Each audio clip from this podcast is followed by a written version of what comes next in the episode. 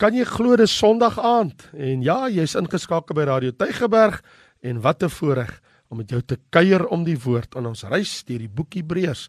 En ons is aan nou bitter naby in die laaste hoofstuk want Hebreërs het 13 hoofstukke en ek en jy het nou gekom by Hebreërs hoofstuk 12 vers 25 tot 29, die laaste verse van die 12de hoofstuk. So kom ons lees. Daar staan: Pas op dat julle hom wat spreek nie afwys nie.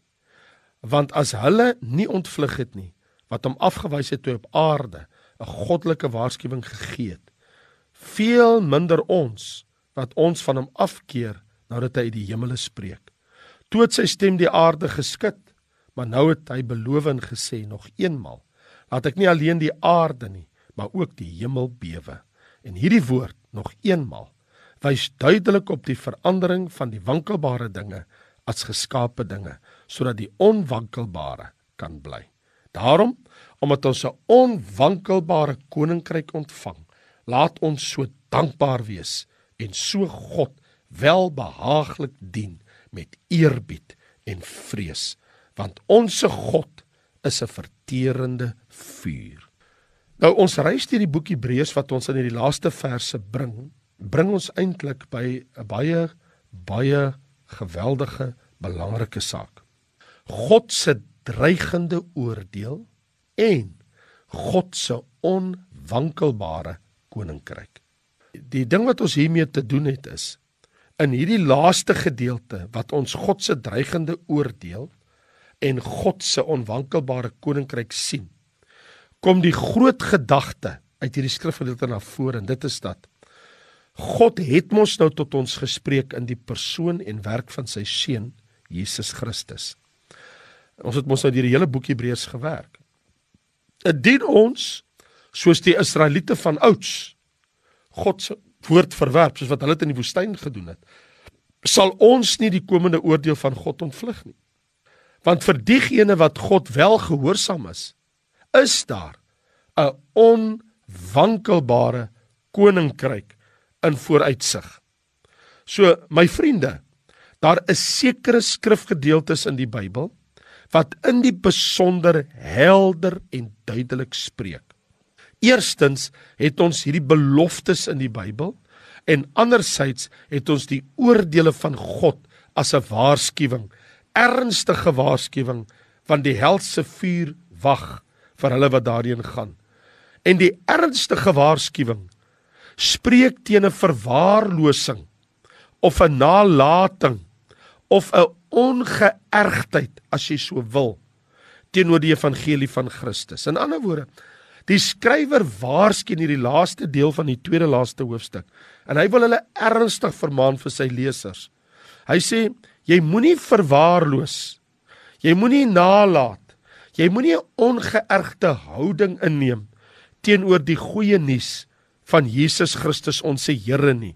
Hierdie is 'n baie ernstige saak, so sterk dat ons dit moet absoluut van harte neem want as ons dit nie doen nie, sal die God van die hemel wat hieroor spreek en ons waarsku optree.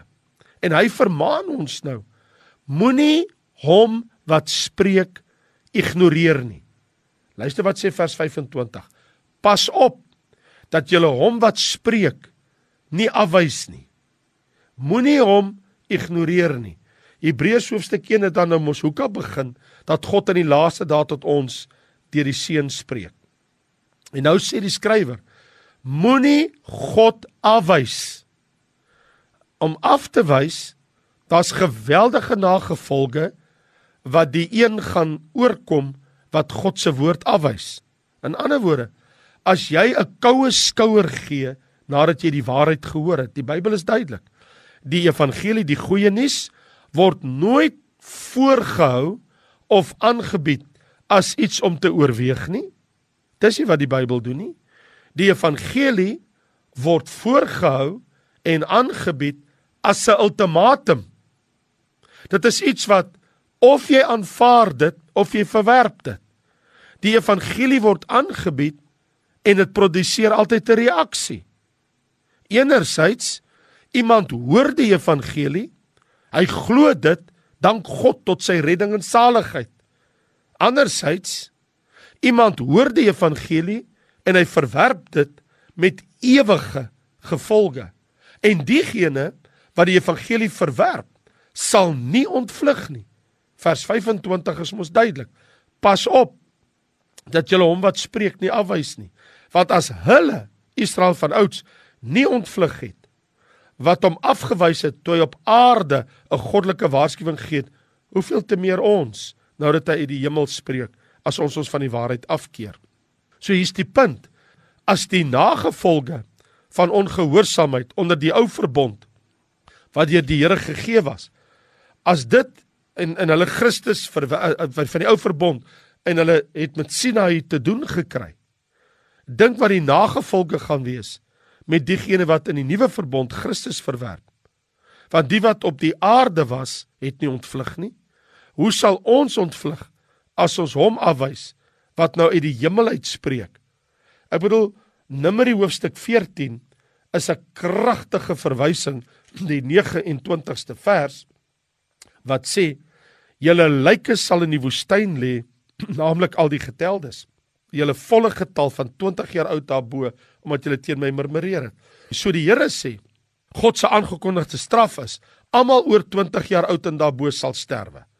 Hulle sal almal in die woestyn sterwe. Nie een sal ontvlug nie. En hulle het nie. Hulle het almal gesterwe. Net Joshua en Caleb wat oor 20 was, het die 40 jaar oorleef. Die res, Moses, Aaron, almal is dood. Net Joshua en Aaron, want hy ouer as 20 jaar was, het gebly leef. Die res het almal gesterwe en ontvlug. Ontvlug van wat? Ontvlug die God wat sal straf en oordeel as ons sy woord verwerp.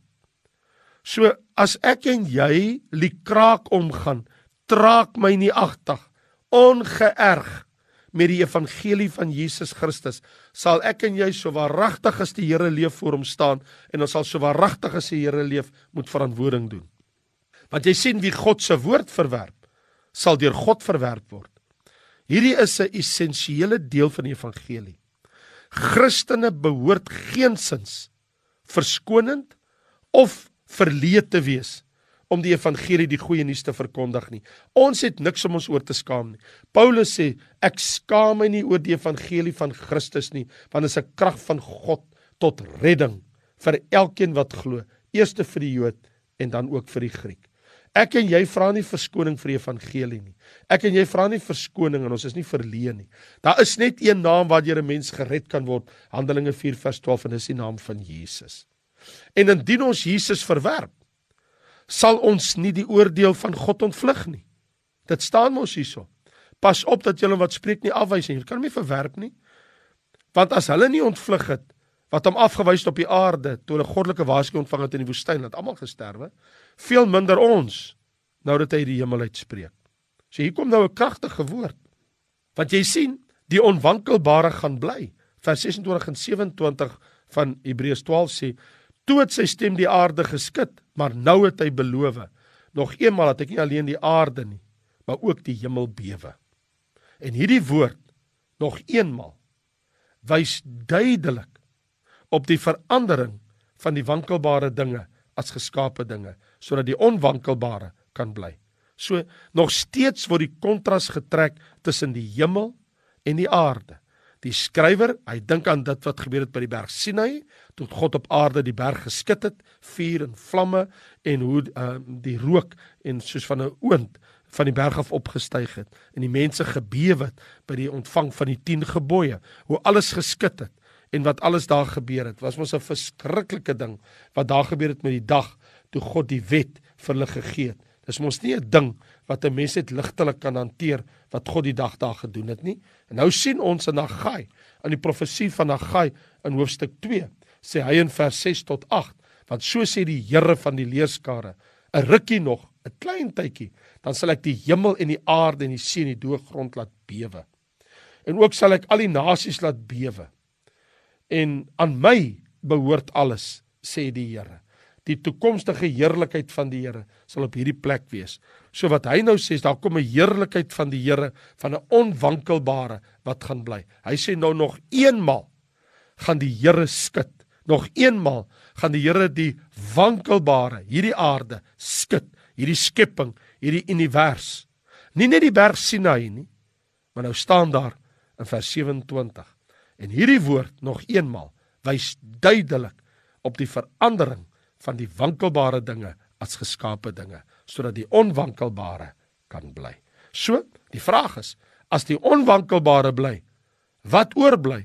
Is dan mos die onwankelbare, is dit nie? Wat is dit? God se koninkryk vir sy mense. Daarom lees ons in vers 28, daarom omdat ons 'n onwankelbare koninkryk ontvang. Luister mooi, 'n onwankelbare koninkryk.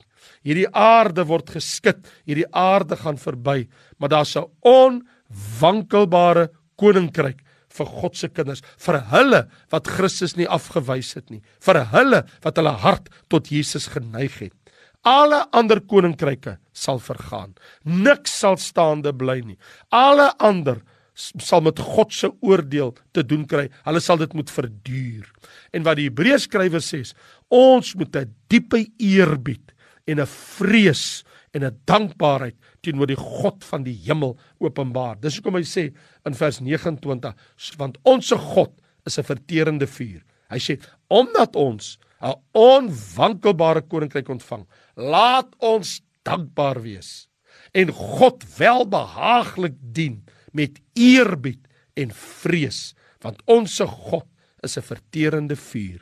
So ons moet God van harte dien met welbehaaglikheid omrede ons is erfgename van die onwankelbare koninkryk wat ons gaan beerwe. So ek en jy kan nie so terloops eh, sommer net in God se teenwoordigheid inwandel en hom goedsmoeds nader nie. Ons moet hom nader met die nodige eerbied, respek, agting. God is 'n awesome God. Ons moet kennis neem van wie en met wie ons te doen het. Die Engels het 'n mooi woord wanneer jy na God toe kom. You come with reverence and awe. Ons kom met vrees en met eer. Nou hoekom is dit so belangrik? Want vers 29 sê ons God is 'n verterende vuur. So die God van Sinai en die God van Sion is wel die een en dieselfde God. Hy het nog nooit verander nie. As jy God aan sy verkeerde kant kry, kry jy die God van Sinai wat met vuur en donder en en haal en blitse en donkerheid en basseingeklank neergedaal het op die berg terwyl die berg geskit en gebewe het en die mense van hulle kop tot hulle tone gebewe het in die aanskyn van die God wat uit die hemel uit neerdaal met sy 10000 talle. Dis die God van Sinai en hy bring die wet en as jy die wet verbreek staan jy onder die oordeele van God. So dit was die God van die wet, die God van Sinai. Maar dank God vir Sion's gebergte, want dis die berg Moria Golgotha waar Jesus vir ons gesterf het, waar hy gesê het Vader vergeef hulle. Ek en jy wil nie by Sinai wees nie. Ons wil by Sion wees.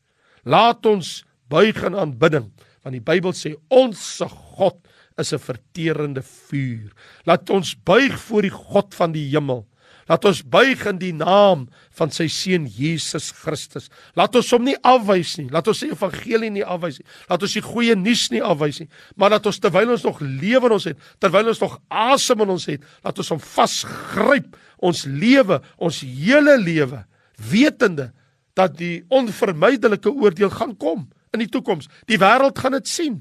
Dit gaan nie weg nie. It's coming. Jy sien, die goeie nuus van Jesus die evangelie van Jesus is nie slegs 'n versekering teen die vlamme van 'n ewige hel nie, maar dit spreek van God se reddende genade.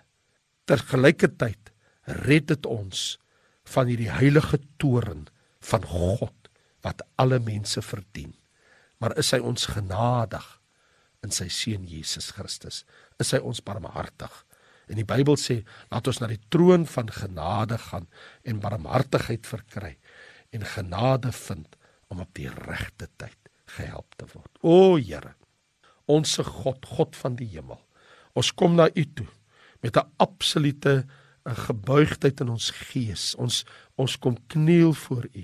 Ons bely dat U is die God van die hemel. Ons bely dat U is 'n verterende vuur. Dankie Here dat U vir ons 'n onwankelbare koninkryk daar gestel het. Dat ons erfgename van Christus is. Dat ons dankbaar is. Dat ons U welbehaaglik dien met eerbied en vrees, want ons erken Here God, U is 'n verterende vuur. Here, wanneer ons kyk wat U gedoen het, hoe die aarde gebewe toe op Sinai neergedaal gehaal het en die verskrikking wat mense se harte vasgegryp het. Soveel so dat hulle uitgeroep het vir Moses: Moenie dat God met ons langer spreek nie. Ons kan nie meer sy woorde hoor nie. God moenie met ons praat nie. Praat jy met ons Moses, maar laat God nie meer met ons praat nie. Dit is te verskriklik.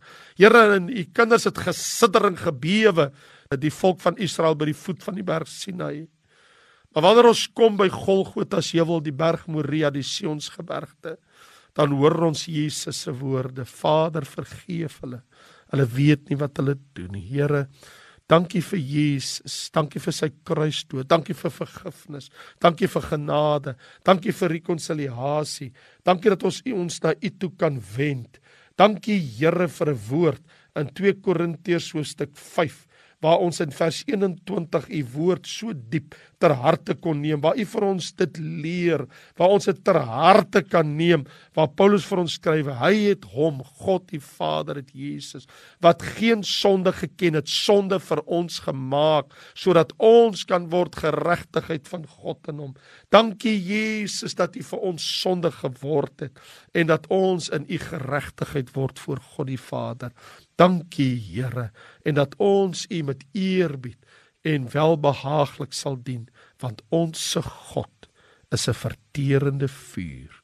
Here behou en bewaar ons en hou ons in die holte van U hand om Jesus Christus ontwil. Amen. Nou ja vriende, ek moet vir jou groet. Ek is Raymond Lombard. My tyd is verstreke. Volgende Sondag aand kyk ons verder. Andersins Woensdag aand gesels ek weer met jou. Baie dankie en totsiens.